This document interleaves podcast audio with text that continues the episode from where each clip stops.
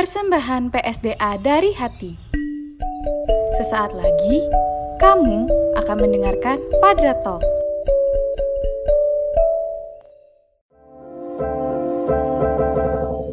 Halo semuanya, selamat datang di podcast Fadra Talks kedua.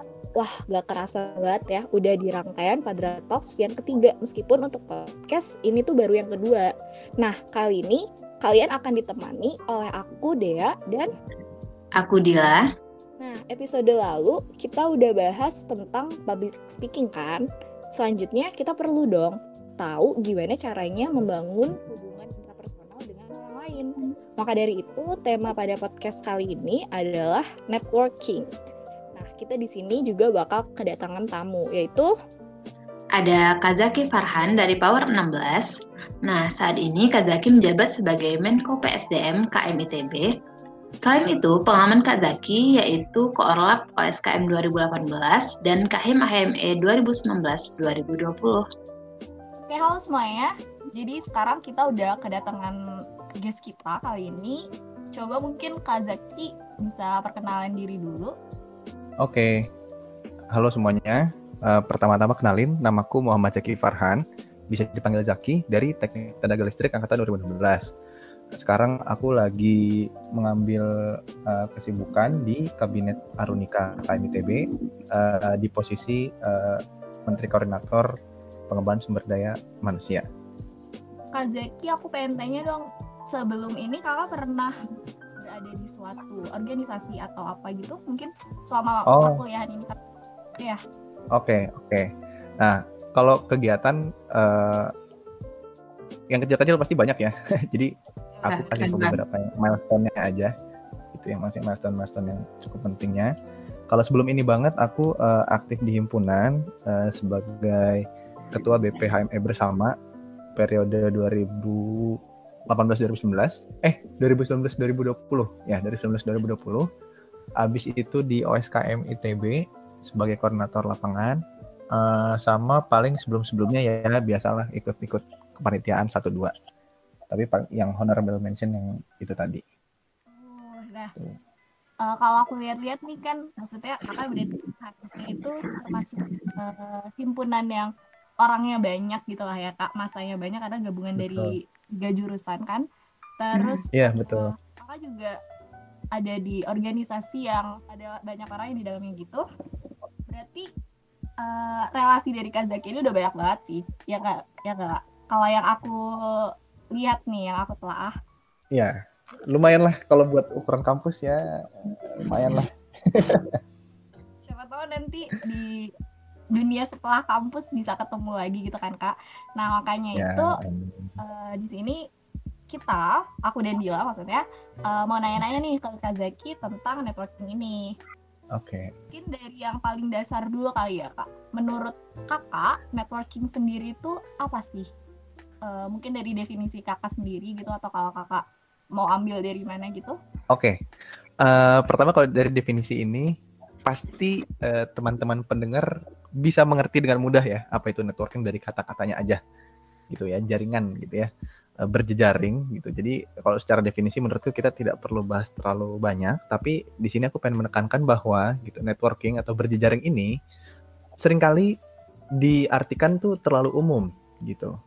Kenapa aku menekankan ini? Karena ketika ada campaign atau misalkan ada eh, seperti kayak sekarang ya kita bahas eh, materi tentang networking, aku melihatnya kadang-kadang tuh orang termotivasi eh, untuk mewujudkan definisi networking itu yang umum banget, sekedar berjejaring gitu. Padahal kalau menurutku enggak, itu enggak sebatas itu. Menurutku gitu networking itu eh, tidak hanya berjejaring bebas saja, tapi kita berjejaring dengan orang-orang yang align gitu atau sejalan dengan kita, terutama eh, terkait dengan hal apa ya? Jadi sejalan dengan kita dalam hal yang ingin dicapai gitu.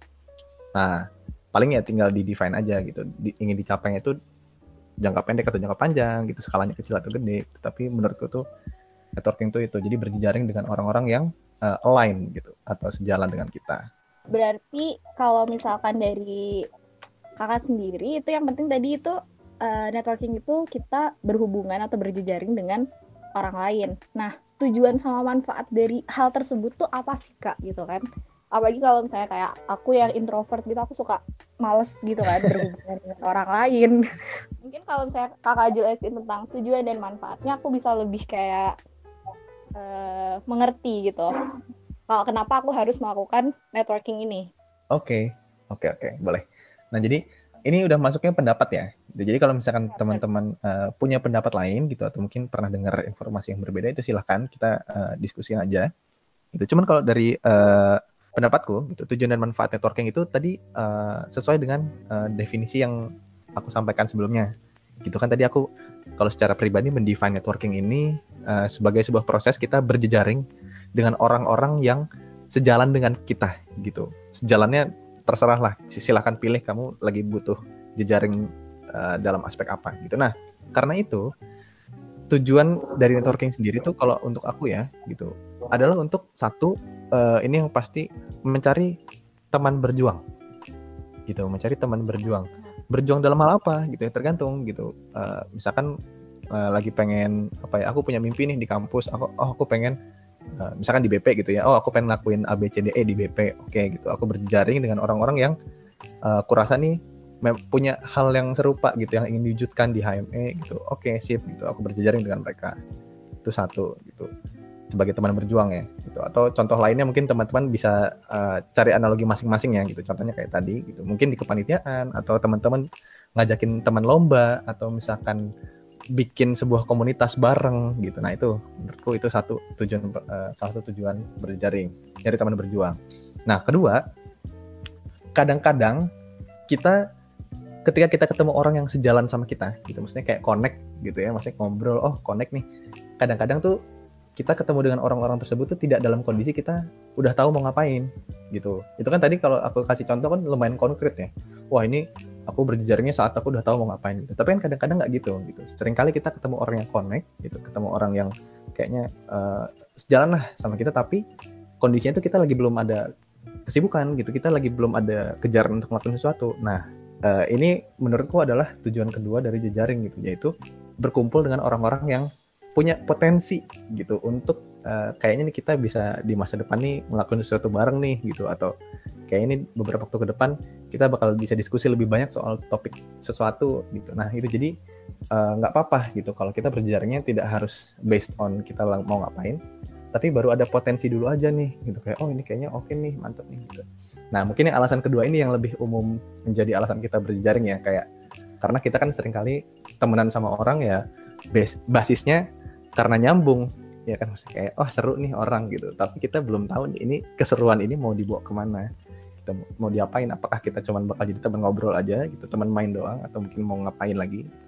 Itu kan belum tahu jadi baru potensi gitu sih kalau menurutku tujuannya dua itu dan manfaatnya ya udah gitu. Manfaatnya berarti kita bisa hubungkan dari dua tujuan tadi gitu. Manfaat pertamanya tentu kalau temennya kalau kita berjejaring dengan tujuan untuk bergerak maka manfaatnya kita jadi punya teman untuk gerak bareng gitu. Kita punya sebuah tim yang solid gitu untuk mencapai tujuan yang lebih gede yang nggak bisa kita capai sendiri gitu. Habis itu membuka opportunity juga. Nah terus kalau yang dari tujuan kedua tadi kan berjejaring dengan orang yang berpotensi uh, nyambung sama kita berarti manfaatnya ya opportunity juga lah sama kayak yang poin sebelumnya. Opportunity gitu. Kita membuka kesempatan untuk hal-hal yang kita nggak tahu bakal bisa kita ambil di masa depan tapi Eh, sekarang kita udah bangun fondasinya dulu gitu. Gitu sih.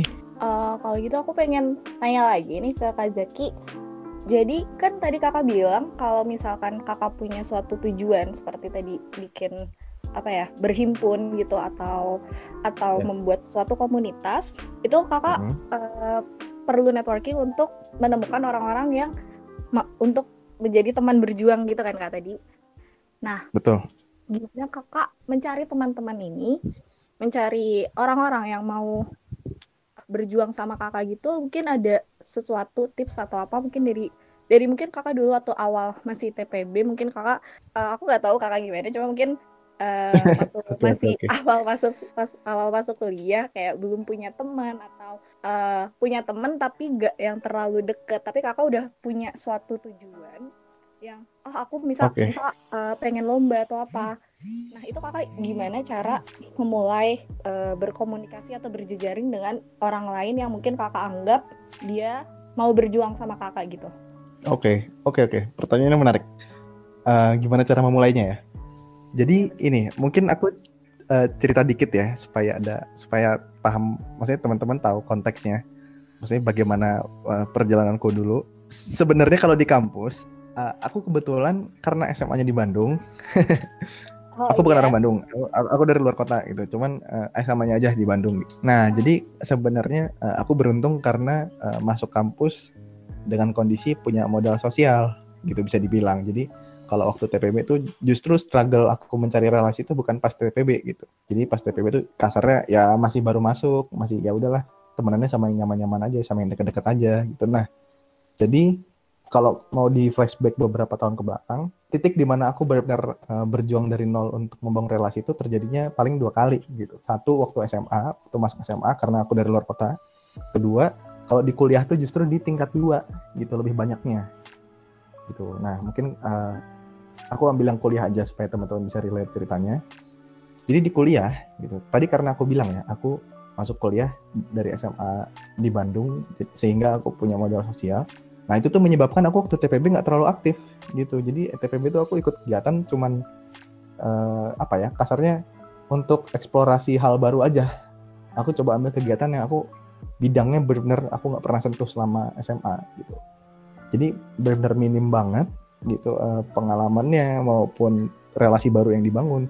Sehingga pas aku ikut proker besar pertamaku waktu itu ikut OSKM itu aku nggak kenal siapa-siapa. Kecuali kebetulan ada anak teman sekolahku yang uh, apa ikut juga itu dan itu pun nggak terlalu banyak lah. Jadi itu uh, satu momen pertama aku uh, merasa mulai dari nol lagi gitu. Kayak wah dari ratusan orang ini gue cuma kenal berapa ya? Kayak nggak nyampe 10 lah 10 mungkin gitu.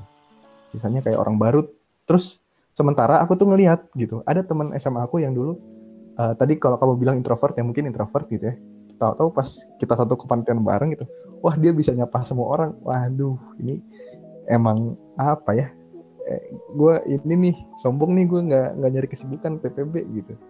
Bukan sombong juga maksudnya ya gitulah uh, terlalu nyaman nih terlalu nyaman PPB ya, gitu. ya nggak uh, nyari relasi lagi. Nah di situlah baru menurutku starting point yang cukup bisa dibilang agak dari nol lah gitu selama di kuliah. Sama di himpunan juga waktu itu osjur kan nggak banyak kalau udah masuk jurusan kan udah makin kesaring lagi kan yang anak-anak yang satu sekolah gitu. Jadi makin dikit lagi makin banyak orang barunya makin harus ketemu relasi baru. Nah di situ aku baru ketemu lagi gitu. Aku dipertemukan dengan kesempatan untuk mikir lagi gitu. Oh dulu gue uh, bisa punya banyak teman di SMA tuh gimana caranya ya gitu. Aku baru inget-inget lagi tuh di situ gitu. Oh ternyata uh, satu hal yang uh, dulu tuh aku sering lakukan di SMA dan uh, bikin aku punya temen gitu adalah aku dulu selalu melibatkan diri dalam hal-hal yang menurutku tuh aku suka. Itu dulu aja. Itu aku karena kan waktu SMA kan aku tadi bilang ya modal sosialnya itu dibilang nol bener nol banget gitu. Sehingga ya udah aku ikut-ikut aja ikut eskul ikut uh, organisasi ikut proker ikut apa gitu. Tapi yang aku suka jadi setidaknya kalau aku nggak punya teman aku bisa enjoy ikut kegiatannya. Aku mulai dari situ. Nah akhirnya ya udah aku uh, coba ulangi langkah itu di kuliah. Itu ya udah aku libatin diri itu coba ikut kegiatannya nggak nggak usah maksain ikut banyak dulu tapi ikut yang aku suka dulu gitu. Dengan atau tanpa ada teman barulah di situ ketemu gitu. Nah kenapa itu oke okay, gitu? Maksudnya itu approach awal yang oke okay buatku gitu. Karena di situ sering kali kita ketemu sama orang-orang yang setidaknya punya kesamaan dengan kita dalam hal uh, minat berkegiatan. Ya kan misalnya aku dulu di OSKM ikut mentor gitu. Ya kayak yang tadi aku bilang kan orang kan berjejaring karena ada kesamaan ya. Nah di situ aku ketemu gitu sama orang-orang yang seenggaknya punya kesamaan kita sama-sama tertarik nih ikut mentor gitu. Entah alasannya lu iseng entah alasannya lu memang suka eh, ngajarin anak orang gitu. Entah alasannya lu pengen punya banyak temen. Pokoknya lu ada ketertarikan terhadap mentor gitu. Oke sip mantep gitu. Itu itu itu pokoknya mulai dari situ dulu gitu melibatkan diri. Baru ya kedua ya tambahan-tambahannya dari situ ya udah skill interpersonal aja maksudnya uh, jangan malu JB-JB sama orang gitu jangan gengsi uh, apa yeah, namanya yeah. ya gitu gitulah yang ya, itu udah sisanya udah skill interpersonal aja gitu berarti tadi kakak apa sih tadi uh, yang aku tangkap kakak berarti gak approach orang orang-orang ini kakak udah mikir kalau misalkan uh, tujuan kakak dengan dengan orang-orang yang daftar mentor ini sama karena maksudnya tujuannya untuk uh, ingin menjadi mentor meskipun alasan dibalik mereka mendaftar menjadi mentor itu beda-beda gitu kan kak? Terus Yes. gimana kakak memperluas relasi kakak ini agar uh, memiliki relasi yang banyak gitu loh kak? Apakah kakak Oke. JBJB semua orang semua kan uh, mentor biasanya yang daftar 500 gitu kan kak? Apa kakak JBJB semuanya gitu atau gimana kak? Atau tetap kakak saring gitu Oke. kayak kayaknya sama dia oke nih sama dia oke gitu atau gimana kak? Oke. Eh, jadi gini, sebenarnya kalau misalkan kita bicara relasi yang berkualitas eh, tinggi, gitu, maksudnya yang dekat atau yang bisa ngobrol banyak, mungkin jumlah relasiku itu tidak jauh berbeda dari teman-teman, gitu. Kalau misalkan kita eh, bandingkan yang level kualitas relasinya itu sama, gitu. Jadi kalau memang eh, ini ini ini disclaimer dulu aja ya, gitu. Maksudnya dari perspektifku sendiri, gitu. Aku merasanya, gitu, ketika orang melihat aku punya relasi banyak itu tuh bisa dibilang eh, kualitas relasinya tuh rendah. Tapi rendahnya bukan karena kita nggak deket gitu, tapi karena memang kita tidak eh, tidak bertemu dan tidak berusaha ketemu lagi dengan sengaja. Kalau misalkan eh, udah udah nggak ada kesibukan bareng, Iya Ya, iya. jadi ah, ah, gitu. Jadi kayak eh, ini mungkin disclaimer dulu. Jadi eh, apa ya? Ini nyambung sama saranku bagaimana caranya membangun relasi. Tuh, Nah, sekarang masuk nih ke bukan tips juga ya, eh, pengalamanku ya, sharing pengalamanku. Jadi ketika kalian sudah ngeset gitu, maksudnya eh, relasi ini tuh akan kalian posisikan seperti apa, maka kalian bisa nentuin bagaimana cara ngetritnya. Maksudnya gimana? Maksudnya gini, maksudnya jangan paksain, jangan paksain semua orang tuh harus berada di level kedekatan yang sama dengan kamu. Itu tuh emang susah, emang nggak akan kuat, nggak apa-apa. Jangan paksain kamu harus bisa ngobrol satu jam dua jam sama setiap orang yang eh, kamu kenal di sebuah acara baru. Itu jangan paksain, nggak apa-apa. Itu start small. Nah itu menurutku kuncinya itu, itu jadi jadi start small. Bangunlah relasi kamu dengan hal-hal yang orang tuh enak untuk terima gitu. Kadang-kadang kan ada ya, maksudnya tipikal orang yang kalau kita baru kenal tuh terlalu diem gitu. Jadi kayak Benar, kayaknya nggak kayaknya nggak seru nih gitu. Atau malah terlalu terlalu aktif sehingga kayak agak mengganggu gitu. Kan ada juga Ya, ini ini sorry ya maksudnya semoga tidak ada yang merasa cuman ada ada kan kayak gitu kan maksudnya. Anak-anak baru kenal kita udah udah udah udah apa ya kayak bahasa basinya tuh panjang banget kayak nggak bisa di stop gitu. Kayak aduh eh, nggak enak gitu maksudnya. Gak kurang sefrekuensi sama nyaman. kita gitu ya kak? Heeh, heeh, gitu heeh. ada kan orang-orang gitu. Nah kalau menurutku kuncinya kalau mau bangun relasi banyak pertama perhatikan itu gitu. Maksudnya eh, jangan paksakan ekspektasi kamu ter- eh, apa ya kepada orang lain gitu dalam membangun relasi. Jadi start small aja yang penting bisa nyapa dulu gitu. Yang penting kita saling ingat nama dulu. Yang penting eh, informasi yang kita tukarkan pertama kali saat kita ngobrol tuh kita jangan lupa gitu. Misalkan aku kenal anak-anak mentor kan pasti banyaknya karena wawancara gitu ya karena foto atau karena apa. Eh, kalau bisa tuh diinget namanya gitu diinget ciri khasnya ketika kita ketemu tuh apa gitu. Nah itu dulu aja. Walaupun aku jujur aku tuh nggak jago Susah, eh, ngafalin nama. Wah susah banget. Pasti aku tuh baru bisa nginget nama biasanya kalau udah sapa-sapaan atau bahkan ada yang sampai kenalan dua kali gitu. Itu baru baru jadi kenal banget. Cuman at least eh, ingat-ingat hal menarik apa yang kamu lihat dalam interaksi pertama kamu gitu dengan teman baru gitu apa nih yang bisa di recall lagi? Nah itu menurutku itu dulu gitu. Nah baru dari situ kalau ke depannya ada kesempatan ketemu lagi baru perdalam itu relasinya baru kalau ketemu lagi perdalam lagi ketemu lagi perdalam lagi. Jadi jangan dipaksain eh, apa semua orang tuh harus level kedekatannya dalam banget gitu. Itu dulu sih satu. Nah ini ada lagi cuman dilanjutin dulu aja deh. Kita sambil cakapan aja. Oke, uh, aku jadi sebenarnya pengen nanya sih sama kakak. Jadi uh, kakak punya gak sih temen yang mungkin dulu, aku kan dulu juga OSKM tapi aku di medik kan. Terus oke misal dulu aku deket sama orang ini, terus tapi lama-lama karena kesibukan masing-masing atau apa gitu, jadi lama-lama hubungannya renggang sendiri gitu kan kak? iya betul betul Itu kakak ada juga nggak yang kayak gitu? Atau kakak berusaha maintain untuk selalu keep in touch gitu-gitu? Ada sih ada sih yang karena nggak satu kesibukan lagi jadi jarang ngobrol tuh ada Tapi berarti eh, tipsnya tadi kalau aku yang dapat dari kakak intinya meskipun kayak gitu tetap harus ingat nama dan apa ya kayak mungkin background kenapa bisa kenal gitu-gitu ya kak. Biar bisa tetap oke nah ini saling apa atau gimana? Nah, benar benar benar. Jadi secara teknis kayak itu, cuman mungkin kalau secara uh, pola pikirnya gimana ya ngomongnya. Nah, kayak gini. Jadi ketika seseorang sudah kamu masukkan ke dalam layer pertemanan kamu, gitu ya. Misalkan kamu ini ini nggak tahu ya, setiap orang mungkin beda-beda mengilustrasikan layer-layer relasinya gitu. Nah, misalkan nih aku aku juga nggak tahu ya sebenarnya cara aku nge-layerinnya gimana, cuman aku ngebayanginnya misalkan aku punya dua layer nih. Satu layer teman-teman yang emang teman dekat banget kayak misalkan teman satu kosan gitu, maksudnya teman yang kayak saudara lah gitu, teman pernah satu kegiatan intensif banget dan masih keep in touch misalkan, atau teman SMA beberapa gitu yang deket banget, nah itu itu kan layer teman deket yang memang ya udah gitu, maksudnya emang sulit untuk uh, aku dapat teman baru lagi kayak gini. Gitu. Nah terus ada layer kedua yaitu teman yang sisanya gitu. Kalau aku nggak terlalu ngeklasifikasiin banyak, jadi misalkan orang-orang kan ada yang bikin kita oh ini ilustrasinya misalkan pakai Instagram kan ada orang bikin first account, terus ada close friend, terus ada second account, terus ada close friend lagi. Nah itu kan biasanya itu mengilustrasikan level pertemanan dia kan. Nah kalau aku gitu, layer pertemanan itu aku usahakan seminim mungkin gitu supaya ketika ada orang udah masuk ke layer pertemanan aku yang aku anggap teman, dia nggak akan turun lebih rendah lagi posisinya gitu. Nah ini maksudnya apa gitu? Gunanya ilustrasi ini apa? Nah jadi misalkan kita pakai contoh tadi studi kasus aku punya teman gitu dulu pernah uh, satu uh, di mentor bareng gitu.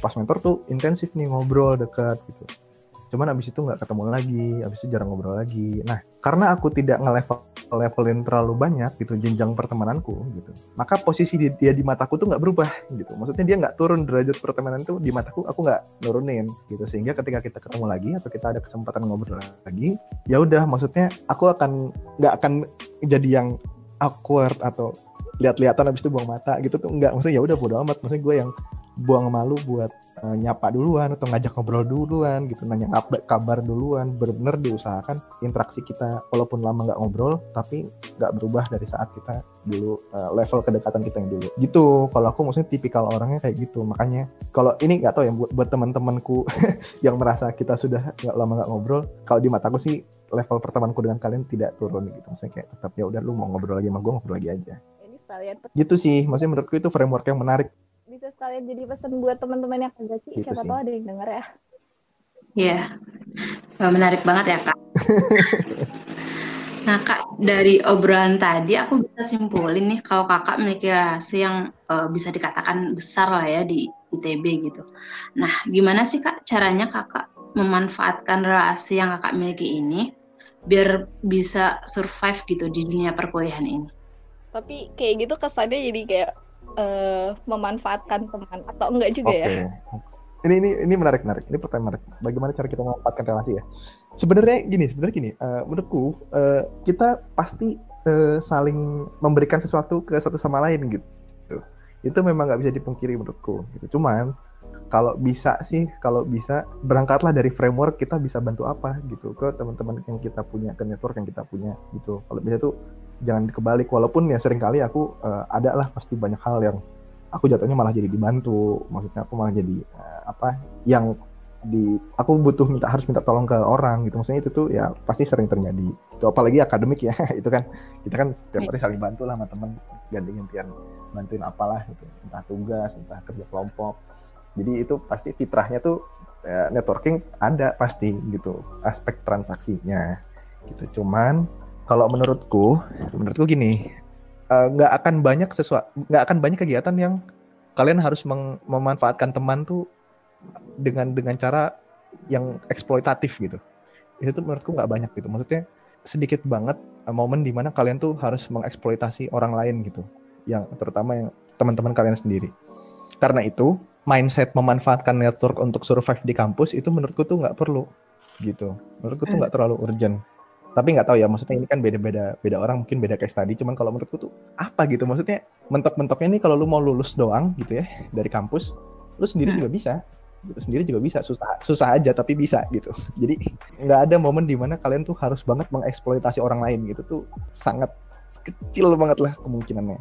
Nah karena itu baik lagi uh, menurutku uh, cara untuk memanfaatkan network ini bukan dengan cara kita meminta sesuatu dari mereka gitu atau kita memetakan potensi teman-teman kita buat dipakai oh ini bisa ini oh ini bisa ini itu tuh nggak terlalu perlu gitu. Itu boleh lah kalau kalian memang perlu banget gitu tapi nggak harus. Menurutku lebih baik kebalikannya.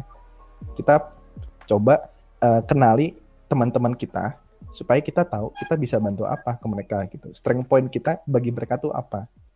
Menurutku tuh itu lebih menarik gitu. Kenapa? Karena aku sendiri jujur merasa selama di kampus gitu ya nggak cuma di kampus sih di SMA ya, dan sejauh inilah ya perjalananku sejauh ini aku banyak banget dapat bantuan dari teman.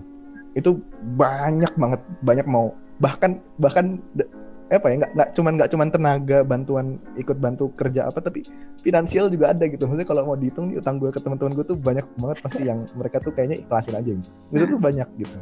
Tapi apakah aku pernah minta gitu? Enggak gitu justru bantuan-bantuan terbesar yang aku terima itu adalah bantuan yang aku nggak minta sama sekali. Justru yang aku nggak minta gitu. Jadi kayak mereka pengen ikut bantu aja atau mungkin tahu dari siapa terus jadi bantu gitu. Alhamdulillah banyaknya bukan urusan uh, kebutuhan dasar ya. Maksudnya uh, alhamdulillah aman jadi bukan bantuan yang kayak gitu. Emang bantuan berkegiatan aja cuman banyak banget gitu. Jadi kayak itu menurutku menarik sih. Kayak kita dalam memanfaatkan network baik lagi ya posisikanlah diri kita tuh sebagai orang yang memberinya. Kita bisa bantu. Kita kenali teman kita supaya kita tahu kita bisa bantu apa. Bukan mengenali teman kita supaya kita tahu kita bisa minta tolong apa gitu. Itu kecuali kalian ini ya kecuali kecuali konteksnya profesional itu ya udahlah. Maksudnya kalau konteksnya profesional ya emang harus sesuai skill set kita ngajaknya kan. Tapi kalau di luar itu kalau bisa dibalik aja. Ini cara berpikirnya. Itu uh, okay, berarti sebentar sebentar. Aku mau jadi mau cerita mungkin ini entah bakal dimasukin ke podcastnya atau enggak. Jadi sekarang kan aku mau ikut lomba gitu kan kak. Terus uh, bisnis yeah. planning. Jadi aku mikirnya wah ini bakal bagus kalau misalkan aku ngajak anak yang dari mungkin dari manajemen atau kewirausahaan. Cuma setelah aku uh, renungkan ternyata temen aku yang di jurusan atau di fakultas SBM itu ternyata dikit gitu kak. Jadi mungkin aku sekarang agak ada kepikiran apa aku harus uh, mencoba berteman dengan anak-anak uh, dari skill tersebut untuk nantinya bisa aku ajak untuk bekerja sama gitu kak. Ya, ini okay. intermezzo aja sih sebenarnya. Oke oke. Boleh boleh boleh boleh. Nah kalau ini ini menurutku ini tuh jatuhnya kayak sama kayak uh, aku ikut kepanitiaan di OSKM gitu. Jadi kalau menurutku tuh padannya ke sana. Kenapa? Karena uh, untuk membangun relasi uh, dengan anak SBM ini, kamu tidak memulainya, kamu punya alasan gitu untuk uh, memulai pertemanan dengan mereka uh, dengan dengan dengan alasan yang konkret. Gitu. Jadi memang ada alasan konkretnya. Karena itu menurutku ini adalah tipe networking yang bisa kamu jalani dengan approach emang misalkan kamu minta tolong apa ya? Eh iya misalkan kamu pakai fasilitas kayak kui.kmitb.ac.id itu kan kayak wadah untuk mempertemukan orang yang mau lomba bareng tapi nggak punya partner gitu. Nah atau misalkan kamu bener-bener minta tolong satu atau dua teman yang kamu tahu untuk nyebarin jarkom gitu broadcast gitu. Oh ini ada yang mau lomba butuh satu orang requirement ABCDE itu tuh menurutku networking yang bisa kamu approach dengan pendekatan yang lebih uh, profesional gitu. Jadi kamu jangan khawatir nggak punya teman banyak. Uh, kamu bisa menurutku networking dengan cara ya pakai broadcast gitu nyari orang kayak nyari kayak kayak buka lowongan kerja gitu. Nah itu tuh mm-hmm. menurutku operasi kayak gitu. Nah kemudian yang pertanyaan keduanya apakah perlu jalin relasi dengan anak SBM gitu? Maksudnya ini masih bukan cuma anak SBM tapi kayak apakah perlu kita menjalin relasi dengan orang-orang yang skill setnya mungkin kita bakal butuhkan ke depannya gitu ya? Iya betul betul. Ya kalau menurutku sih boleh-boleh aja gitu boleh-boleh aja tapi itu tadi maksudnya um, baik lagi. Kalau mau pertemanannya long last maksudnya ini kok karena gini karena aku jujurnya kalau bahas networking nih agak susah bahasnya kalau terlalu profesional gitu. Maksudnya aku bakal bahas uh, networking ini mungkin agak ada sentimen uh, apa ya personalnya gitu. Jadi kalau misalkan kamu mau menjalin pertemanan dengan orang-orang yang kira-kira punya potensi membantu kamu itu sok aja gitu. Tapi jangan lupa balik lagi kamunya sendiri nih bisa jadi apa buat mereka gitu. Apakah misalkan misalkan gini aku juga punya gitu teman-teman yang skill setnya beda. Aku maksudnya ternyata nih di akhir uh, tahunku di kampus nih semoga terakhir sih eh terakhir sih udah udah lulus kok lulus. Oh, uh, tinggal wisuda kak. Ya betul. Nah aku juga di akhir tahunku di kampus tuh ternyata nih aku punya teman dari dari semua fakultas. Kayaknya kayak, kayaknya punya deh punya nggak ya? Kayaknya semua fakultas punya deh. Kalau jurusan nggak tahu cuman semua fakultas ternyata aku tuh punya teman gitu. Cuman aku nggak pernah berteman dengan mereka karena basis fakultas mereka gitu. Bahkan banyak gitu. Pasti kamu juga gitu kan? Maksudnya teman-teman juga pasti banyak punya teman tapi nggak hafal jurusannya apa gitu Nah itu kalau teman-teman ingat lagi, kalian pasti tidak memilih mereka karena skill setnya gitu, tapi karena ada sesuatu yang bisa kalian mungkin transaksikan gitu, atau sesuatu yang kalian bisa berikan untuk satu sama lain gitu. Akhirnya itu kalian jadi teman. Jadi menurutku ya boleh gitu, nyari skill set, tapi posisikan diri kamu tetap lu bisa jadi apa buat mereka. Oke, makasih Oke, banget. Oke, lanjut Bila. Oke, berarti balik lagi ya Kak ke diri kita sendiri gitu. Jadi eh, kalau relasi itu bukan untuk Yes. apa yang bisa orang itu berikan kepada kita, tapi apa juga yang bisa kita berikan kepada dia gitu. Nah, kalau dalam Betul. kalau bicara soal pertemanan atau relasi itu kan gimana ya, Kak? Kan di saat kita sudah tidak dalam lingkup atau lingkaran yang sama, katakanlah itu organisasi gitu Kak. Pasti kayak Hmm. hubungannya itu bakalan ter ini terhenti gitu kan Kak. Jadi nggak nggak sedekat yang dahulu gitu ketika kita ada dalam satu lingkaran yang sama gitu. Nah, gimana sih Kak cara kita buat Hmm. mempertahankannya gitu biar nggak nggak hilang-hilang nih teman-teman kita gitu. Oke. Nah ini ini wah, ini pertanyaan menarik-menarik ya. Sebenarnya topiknya kayaknya jarang jarang dibahas ya. Apa gimana? Nah, jadi gini, eh, gimana caranya kita mempertahankan relasi-relasi yang sudah nggak satu circle sama kita? Ini salah satu alasan kenapa dari tadi aku menekankan bahwa networking itu eh, hal yang buatku gitu pribadi itu hal yang ditentukan oleh perspektif kita sendiri gitu. Karena gitu, ketika dihadapkan dengan case study seperti ini gitu, kita udah nggak satu circle gitu, eh, relasi-relasi kita mungkin menjauh karena kita nggak satu kesibukan, kita menjadi orang yang menentukan gitu akan jadi apa relasi ini gitu. Jadi approach-nya tuh jangan kita nunggu, aduh ini bakal gimana ya gitu si si si si A nih setelah nggak nggak satu kegiatan sama gue dia bakal gimana ya? Ya, jangan kayak gitu gitu. Tentuinnya dari kita sendiri aja gitu. Kita mau jadi apa buat mereka gitu. Apakah memang uh, kalian cukup menjadi uh, bekas teman kerja aja dan saling menyapa seketemunya aja gitu. Kalau kalian puas dengan itu ya udah gitu, gak apa-apa. Tapi kalau kalian butuh mereka, misalnya kalian senang ngobrol sama mereka atau kalian discover kalau ada teman-teman yang idenya nih kalian suka itu cara berpikirnya gitu. Berarti baru kalian approach gitu, approach lagi gitu. Nah, misalkan kalau nah silakan approach-nya disesuaikan dengan hal apa yang kalian suka dari uh, teman-teman kalian atau misalkan hal yang kalian rasa bisa kalian bantu kepada teman kalian itu misalkan oh dulu gue punya teman satu BP nih uh, dia anaknya uh, asik misalkan uh, gue gue suka ngobrol soal uh, bisnis sama dia gitu. Oh kayaknya gue bisa bantu. Uh, atau misalkan oh kayaknya kita bisa jadi partneran bisnis atau mungkin kalau kita ngobrol terus kita uh, bisa obrolannya berkembang lebih jauh. Gitu. oh ya udah. Berarti silahkan jalin terus relasi kalian dengan si teman ini dengan cara ngobrol. Atau misalkan kalian ada yang seneng ada teman satu kepanitiaan lagi nih. Oh kalian nyambung karena sama-sama suka musik gitu. Oh ya udah ayo kita coveran bareng atau apa. Jadi kalau menurutku tuh gitu. Jangan paksakan semua relasi kalian lo ngolah tapi kalian tentuin maksudnya si relasi ini tuh uh, kalian pengen tetap bertahan karena apa? Atau kaliannya sendiri uh, bisa profit apa buat si teman yang pengen kalian maintain gitu dalam circle kalian. Karena emang nggak akan kuat gitu. Semuanya di maintain nggak akan kuat gitu. Kayak tadi aku bilang kan maksudnya kalau ditanya kenalan mah kenalan gue banyak banyak gitu ya. Karena tingkat akhir juga ya. Nanti kalian juga tingkat akhir pasti makin banyak. Nah cuman kalau ditanya yang kualitas kedekatan yang deket banget yang masih keep in touch ya nggak banyak gitu. Tetap segitu-gitu aja. Mungkin sama kayak kalian gitu. Makanya silahkan kalian yang tentukan gitu.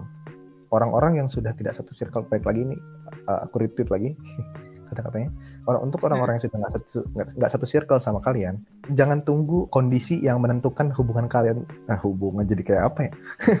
Jangan jangan tunggu kondisi yang mendefine networking ini akan berkembang seperti apa. Tapi kalian sendiri aja yang define.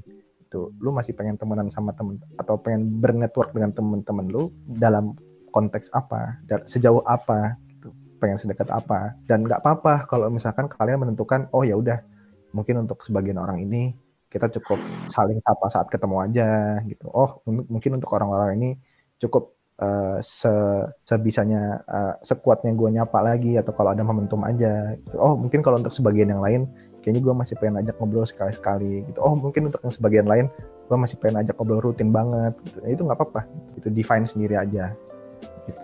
karena sebalik lagi nggak akan kuat loh ini semua orang di di maintain kualitasnya tinggi gitu ya berarti nggak emang nggak bakalan bisa ya kak semuanya sama-sama kualitas networknya gitu ya nggak tahu ya kalau ada yang bisa mungkin pokoknya aku bukan orang yang bisa Kayaknya susah juga. Iya. Nah, selanjutnya gimana sih kak cara kita atau ada nggak sih tips atau trik dari kakak gitu buat membangun uh, relasi di perkuliahan ini gitu? Oke, oke, oke. Atau bi- bisa dari pengalaman kakak atau gimana gitu? Oke, boleh. Ini paling lanjutin dari yang tadi ya. Tadi kan aku udah agak cerita dikit di awal. Nah, jadi lanjut lagi. Kalau untuk tips dan trik membangun relasi, uh, aku tidak akan mulai dengan tips bertemannya ya. Tapi aku uh, mulai dari uh, mungkin beberapa kerangka berpikir yang aku pakai. Dan kalian mungkin kalau ada yang ada yang setuju bisa dipakai juga. Nah, jadi uh, pertama dalam berteman balik lagi gitu. Secara uh, jangan lupakan faktor diri kaliannya sendiri itu punya tenaga sebanyak apa. Jadi kan uh, ada orang-orang yang ini aku adalah tipikal yang bisa ada di apa ya perkumpulan yang rame gitu tuh bisa gitu maksudnya di kegiatan yang banyak orangnya itu tuh bisa cuman kalau harus ngobrol apa ya one on one sama apa ya banyak orang dalam waktu yang beruntun gitu kayak sehari misalkan ada puluhan orang diajak ngobrol one on one itu tuh aku tipikal yang nggak kuat.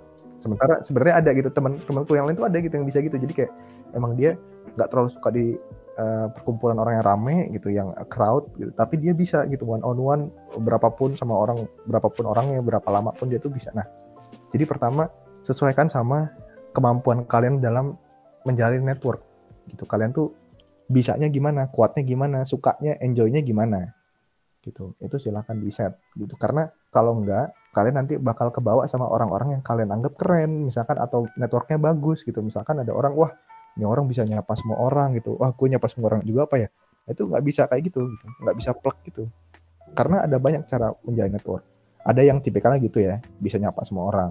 Ada tipikalnya yang nggak terlalu banyak tapi dia tahu cerita semua teman-temannya gitu. Atau ada yang dia karena kenalnya dari acara-acara yang sifatnya agak resmi jadi mungkin tahu achievement-achievement dan target-target dari teman-temannya gitu nah itu kan beda-beda Gitu. Jadi pertama sesuaikan dengan selera dan kemampuan kalian dalam menjalin network. Nah kedua baru sesuaikan dengan kalian ini pengen punya teman yang sama-sama bisa uh, bahas apa atau kalian pengen punya teman-teman yang eh, sama-sama bisa ngelakuin apa itu tadi yang aku bilang di tujuan uh, apa di definisi yang awal yang awal banget bahwa networking itu kan uh, menjalin hubungan dengan orang-orang sejalan dengan kita. Ada align-nya nah itu. Jadi kedua kalian set. Gitu nggak apa-apa di set. Eh, boleh gitu. Maksudnya ngeset ngeset ekspektasi itu boleh ya. Nggak apa-apa ya. Set set aja kalian pengen punya teman untuk bisa ngapain. Atau temen yang kalian bisa saling berbagi apa gitu. Atau kalian punya sesuatu yang pengen kalian bagi gitu ya. Kalian merasa uh, orangnya tuh misalkan apa ya. Kalian merasa sepanjang perjalanan hidup kalian kalian selalu bisa jadi teman curhat gitu oh ya udah gue temenan sama orang-orang yang kayaknya uh, butuh teman cerita. Misalkan itu tuh boleh juga gitu. pokoknya intinya kalian tentuin set goalsnya gitu untuk berteman ini untuk apa? Untuk tujuan apa? Gitu baru ya terakhir silakan libatkan diri di banyak hal gitu. Libatkan diri jangan buang buang malu. Nah gini aku tuh gini kalian pernah nggak sih di jalan nyapa orang tapi salah gitu? Salah orang iya. gitu gara-gara mirip teman kalian. Ya kan sering kan ya? Nah aku juga sering banget gitu. Maksudnya itu itu resiko ya. Maksudnya semakin banyak net teman kalian tuh itu tuh jumlah orang yang kalian bakal salah sapa itu akan semakin tinggi gitu. Soalnya itu apa ya, menurutku persenan gitu probabilitas. Kayaknya dulu waktu masih offline waktu masih di kampus tiap minggu tuh adalah aku sekali salah nyapa orang itu tuh pasti ada gitu. Jadi tapi salah orang itu bukan sama-sama teman tapi salah nama bukan. Tapi bener-bener yang bukan teman sama sekali tapi aku sapa gitu. Eh, eh terus kayak ah sorry sorry sorry sorry gitu. Nah itu, itu jadi tips terakhirnya gitu. Ketika aku tadi bilang libatkan diri dalam eh, hal-hal uh, yang uh, apa ya kayaknya bisa uh, kegiatan yang kayaknya cocok sama kalian kegiatan yang kayaknya sesuai minat kalian. Sebenarnya saran itu bisa dikembangkan lagi setelah kalian udah bangun networknya itu kan? Tadi kan kalau belum punya networknya kalian libatkan dirinya tuh di kegiatan-kegiatan gitu. Nah kalau sudah punya networknya kalian libatkan diri sebagai orang yang proaktif gitu dalam pertemanannya gitu. Nggak apa-apa lu jangan jangan karena sekali salah nyapa terus jadi males nyapa orang lagi. Jangan gitu gitu. Maksudnya selalu usahain kamu jadi yang apa namanya nyapa duluan misalkan atau nanya kabar duluan atau apa duluan gitu. karena uh, menurutku uh, kalau aku pribadi aku pribadi itu maksudnya aku pribadi merasa aku bisa jadi orang yang kayak gitu maksudnya. Nah aku merasa aku bisa menjadi orang yang uh, positif lah gitu. Maksudnya buat temen-temenku. Aku merasa setidaknya nih kalau lu ketemu gue lu bisa ya nyengir karena sesuatu lah gitu. Atau misalkan lu bisa senyum karena sesuatu gitu. itu aku berusaha uh, provide gitu. Nah karena itu aku mengambil peran proaktif gitu. Kalau bisa ya mengusahakan. Kalau lagi nggak capek gitu ya atau uh, lagi lagi lagi fresh gitu. Aku coba ambil peran itu. Nah itu dan itu aku rasa awalnya aku ngira itu mungkin aku aja tipikalnya begini gitu. Gue aja yang memang uh, suka nyapa orang gitu. Tapi kayaknya ini applicable secara universal gitu menjadi teman yang proaktif. Tapi disesuaikan aja kan sama kalian tipe pertemanan gimana gitu. Kalau kalian yang tadi tipe cerita atau mendengar ya udah kalian nanya kabar duluan gitu, atau apa duluan. Libatkan diri sebagai orang proaktif dalam uh, networknya gitu. Udah itu deh. Jadi kalau dirangkum apa aja satu set ini. Kalian kenali kalian selera bernetworknya gimana. Kedua kalian silahkan cari tahu gitu kayak goals networkingnya yang dibawa ke arah mana. Terus terakhir libatkan diri dalam networknya itu sebagai orang yang proaktif. Itu sih. Itu menurutku menarik. Jadi uh, apa ya? Menurutku ini tipsnya nggak apa-apa banget diaplikasikan dengan selera masing-masing gitu nggak harus lu maksain jadi orang. Gini pernah pernah lihat buku ini nggak? Uh, buku bestseller apa ya? How to Win Friends and Influence People. Nah. Iya iya tahu kak ya kan? Pernah ada kan dulu di uh, apa rak bestseller yang Gramet nah itu tuh aku kayaknya pernah lupa deh pernah baca atau pernah pernah lihat resumenya doang ya. Cuman itu kan tipsnya jatuhnya praktis-praktis gitu kalau nggak salah singkatku ya. Maksudnya kayak hal kayak inget nama apa segala macam gitu. Betul, kayak senyum uh, nah itu tuh nggak semua orang kuat gitu mengaplikasikan hal-hal praktis seperti itu. Dan nggak semua orang seleranya ke arah sana gitu. Karena itu menurutku nggak apa-apa maksudnya mulailah dengan hal yang uh, kamu rasa jadi strength kamu dalam bernetwork baru kalau kamu udah nyaman gitu kamu merasa butuh upgrade bolehlah gitu. Coba keluar dari zona nyaman lu. Cobalah tips-tips kayak senyum ngapain nama orang atau misalkan uh, apa ya uh, uh, cari tahu. Bahkan ini kalau mau lebih detail tuh ada gitu. Maksudnya gestur-gestur saat kita ketemu orang yang memperlihatkan secara nggak langsung kalau uh, obrolan kita tuh menyenangkan gitu. Kayak misalkan kalau misalkan tangan disilangin gitu mungkin kita lagi defensif gitu pemikirannya secara gagasan tuh defensif gitu. Kalau misalkan kita duduknya ngarah ke sesuatu, biasanya itu adalah kecondongan kita terhadap obrolan yang misalkan kalau kita ngobrol ngadap ke orang yang kita ajak ngobrol, berarti kan kita eh, engage sama obrolannya. Tapi kalau misalnya kita ngadepnya ke pintu keluar ruangan atau apa, mungkin kita pengen cabut. Nah itu kan kalau mau praktis yang gitu-gitu ada gitu ada. Itu bisa dieksplor banyak banget. Atau misalkan kalian coba cari deh. Uh, jadi ada eksperimen sosial gitu ya. Uh, yang memperlihatkan dua dua kelompok orang yang ngobrol sama satu orang yang friendly satu orang yang ngeselin. Nah, kalau ngobrol sama orang yang friendly, si lawan bicara tuh bakal cara nggak sadar niruin gestur lawan bicaranya gitu. Jadi, misalkan kalian lagi ngobrol nih sama teman kalian Eh, kalian coba tes aja ya kalau kalau mau iseng gitu. Uh, kalian coba lakuin gestur misalkan uh, nyindirin pipi di tangan atau misalkan uh, ngetok-ngetok uh, meja atau misalkan gerakin uh, tangan atau mindahin kaki, ngelipat kaki. Nah, kalau lawan bicaranya niruin tuh most likely dia engage dengan obrolannya gitu. Nah, itu yang gitu-gitu tuh ada gitu. Kalau mau diekspor tuh trik-trik kecil kayak gitu tuh banyak cuman itu kenapa aku nggak bawakan hari ini karena itu tadi selera networking orang beda dan energi orang networking beda-beda gitu. Jadi itu silahkan itu tuh itu itu itu trik trik tingkat lanjut aja kalau kalian udah merasa satu rated gitu ya level networkingnya terus kalian pengen upgrade baru deh kalian ekspor kayak gituan. Gitu. Mm-hmm.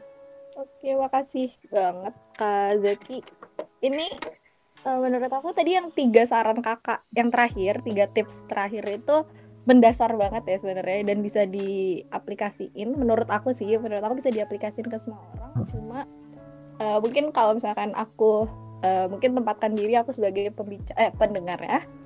Uh, kalau kalau aku dengar ini terus pas uh, kalau aku pribadi uh, dengar saran-saran dari kakak tadi kayak nomor satu nomor dua itu mungkin udah yang uh, set goal terus uh, berteman dengan teman yang satu kesukaan atau satu frekuensi gitu dengan kita itu mungkin suatu hal yang sangat mudah untuk dilakukan ya. Uh, jadi kita ke, uh, mencari teman yang sejalan sama kita. Cuma mungkin menurut aku ya nomor tiga untuk proaktif itu masih susah gitu. Serius itu. Okay, okay. Buat aku sendiri ini uh, pengalaman aku ya. Jadi aku kadang kalau saya lagi jalan di kampus terus dari jauh tuh aku ngeliat ada orang yang aku kenal aku tahu maksudnya aku tahu namanya kita saling tahu nama cuma aku gak terlalu deket terus aku kayak segan jadi segan gitu untuk uh, menyapa atau apa aku gak Oh, pilih untuk aku cari jalan lain atau aku puter balik atau apa gitu itu sih susah ya kalau buat aku ya untuk menjadi se- seseorang yang proaktif untuk menjaga relasi itu buat aku masih agak susah sih karena gak Iya. tahu ya mungkin harus di upgrade lagi Nah, iya benar-benar. Emang emang susah sih maksudnya. Kayak kayaknya maksudnya itu kan contoh yang aku tadi pakai tuh bahkan itu jarang yang pak jarang yang lakukan. Orang maksudnya orang lain kayaknya jarang yang lakuin deh. Maksudnya tetap selalu jadi orang yang nyapa duluan walaupun sering salah nyapa. Itu tuh kayaknya kayaknya nggak banyak gitu loh kayaknya ya. Soalnya aku ngeliat di Kayaknya kakak kali ya. Iya, kayaknya maksudnya kalau contoh case study-nya itu mungkin eh, agak spesifik ke aku sendiri gitu. Cuman kalau memang merasa susah gitu ya, menurutku nggak apa-apa proaktifnya di hal-hal yang kalian bisa aja gitu. Maksudnya kalau memang kalian ke teman-teman yang apa ya bahasanya mungkin weak ties lah ya, maksudnya yang eh, cuman teman kenal nama gitu. Kalau kalian memang belum kuat, ya udah nggak usah paksain jadi proaktif untuk eh, lingkaran pertemanan atau network yang sifatnya kenal apa ya, cuman kenalnya Pak doang gitu. Ya udah kalian lakukan itu ke teman-teman kalian yang lebih dekat karena ya butuh di maintain juga kan maksudnya jangan salah jangan kira mentang-mentang udah deket nggak perlu di maintain kan enggak kan maksudnya itu juga perlu di maintain jadi mulainya dari situ dulu aja nggak apa-apa enjoynya kalian misalkan ya itu tadi jadi teman cerita atau misalkan jadi teman yang nanya kabar buat teman-teman dekat ya udah di situ dulu aja gitu nggak apa-apa nggak apa-apa itu nggak apa-apa banget nih Iya. Makasih banget nih Kak eh, buat Kak Zaki. Kita udah lama banget ya kayaknya ngobrolnya udah hampir sejam 50 menit mungkin. Makasih banget Yes. buat Kak Zaki. Eh, dari Kak Zaki mungkin ada eh, pesan terakhir atau kesan eh, atau hal yang mau disampaikan kepada para pendengar. Oke, ada sih, ada ada satu. Jadi eh, gini, pertama eh, aku mau mohon maaf gitu karena dalam sesi diskusi kita hari ini teman-teman mungkin berharap akan dikasih tips and trick yang teknis gitu, yang lucu-lucu gitu kayak gimana caranya berteman gitu, how to make friends gitu. Eh, tapi Itu bisa dari buku sih Kak kalau kayak gitu. iya sih Iya. bisa dibaca. Gitu. Cuman eh, ini eh, ada alasannya kenapa aku nggak kasih itu karena balik lagi ke statement awalku kayaknya ini eh, statement sebelum kita mulai ngobrol kali ya. Jadi eh, tadi tadi aku bilang kalau aku nggak pengen networking ini dianggap sebagai sesuatu yang oportunis gitu atau sifatnya mungkin terlalu materialistis atau terlalu transaksional gitu. Aku punya sentimen yang lebih personal gitu terhadap networking bahwa teman-teman atau network yang kamu bangun gitu itu eh, jangan sampai dipandang hanya sebagai benda gitu. Dan dipandang hanya sebagai aset gitu atau misalkan ya itulah ya jangan terlalu di objectify gitu dan diobjektifikasi jadi karena network itu ya selayaknya teman manusia sebagai manusia gitu. Maksudnya manusiakanlah network kamu gitu. maksudnya anggap pandanglah mereka sebagai manusia yang sederajat dengan kamu gitu. Maksudnya eksistensi mereka itu tidak hanya dinilai dari hal yang kamu anggap menarik dari mereka doang gitu. Nggak itu doang. Maksudnya network kamu satu persatu itu lebih dari itu. Bagi bagi mereka masing-masing ya mereka adalah pemeran utama gitu di hidup mereka. Jadi jangan sampai karena kita terlalu mengobjektify atau membendakan network gitu. Seakan-akan tuh network yang kita punya tuh hanya figuran-figuran dalam hidup kita gitu. Atau mungkin peran-perannya tuh kita koridorkan kita batasi di hal-hal yang kita judge atau kita nilai oh gue networking sama dia tuh karena ini doang itu karena ini doang. Enggak jangan gitu. Walaupun tadi aku bilang tujuan makanya aku bilangnya tujuan dari tadi bukan skill set gitu atau bukan karena uh, kemampuan gitu. Karena kalau tujuan tuh purpose semua orang bisa ambil peran apa pun gitu. Beda beda sama kemampuan. Kalau lu berteman karena kemampuan karena skill set ya itu ya mungkin lu mengkerdilkan network lu. Nah tapi uh, balik lagi ini idealismeku pribadi dalam bernetwork gitu. Maksudnya karena aku ada kesempatan untuk bicara maka uh, aku sampaikan. Jadi silahkan kalau teman-teman sepakat gitu mungkin teman-teman sependapat silahkan uh, diperdalam gitu ya pemikiran net- uh, pemikiran ini terhadap network gitu tapi kalau teman-teman nggak setuju nggak apa-apa gitu silahkan explore networking versi kalian masing-masing dan maksimalkan Ya, terima kasih banget nih Kak Zaki dan eh, buat teman-teman pendengar semoga kalian bisa mendapatkan hal yang bisa diambil dari sesi podcast kali ini. Eh, makasih banyak Kak Zaki udah meluangkan waktunya buat Fadra Talks malam ini. Oke, terima kasih banyak buat teman-teman pendengar Fada Talks. Semoga apa yang teman-teman dengar hari ini bisa menjadi manfaat. Dadah. Uh, dan makasih juga buat uh, teman-teman yang udah dengerin podcast kali ini. Sampai jumpa di podcast selanjutnya. Terima kasih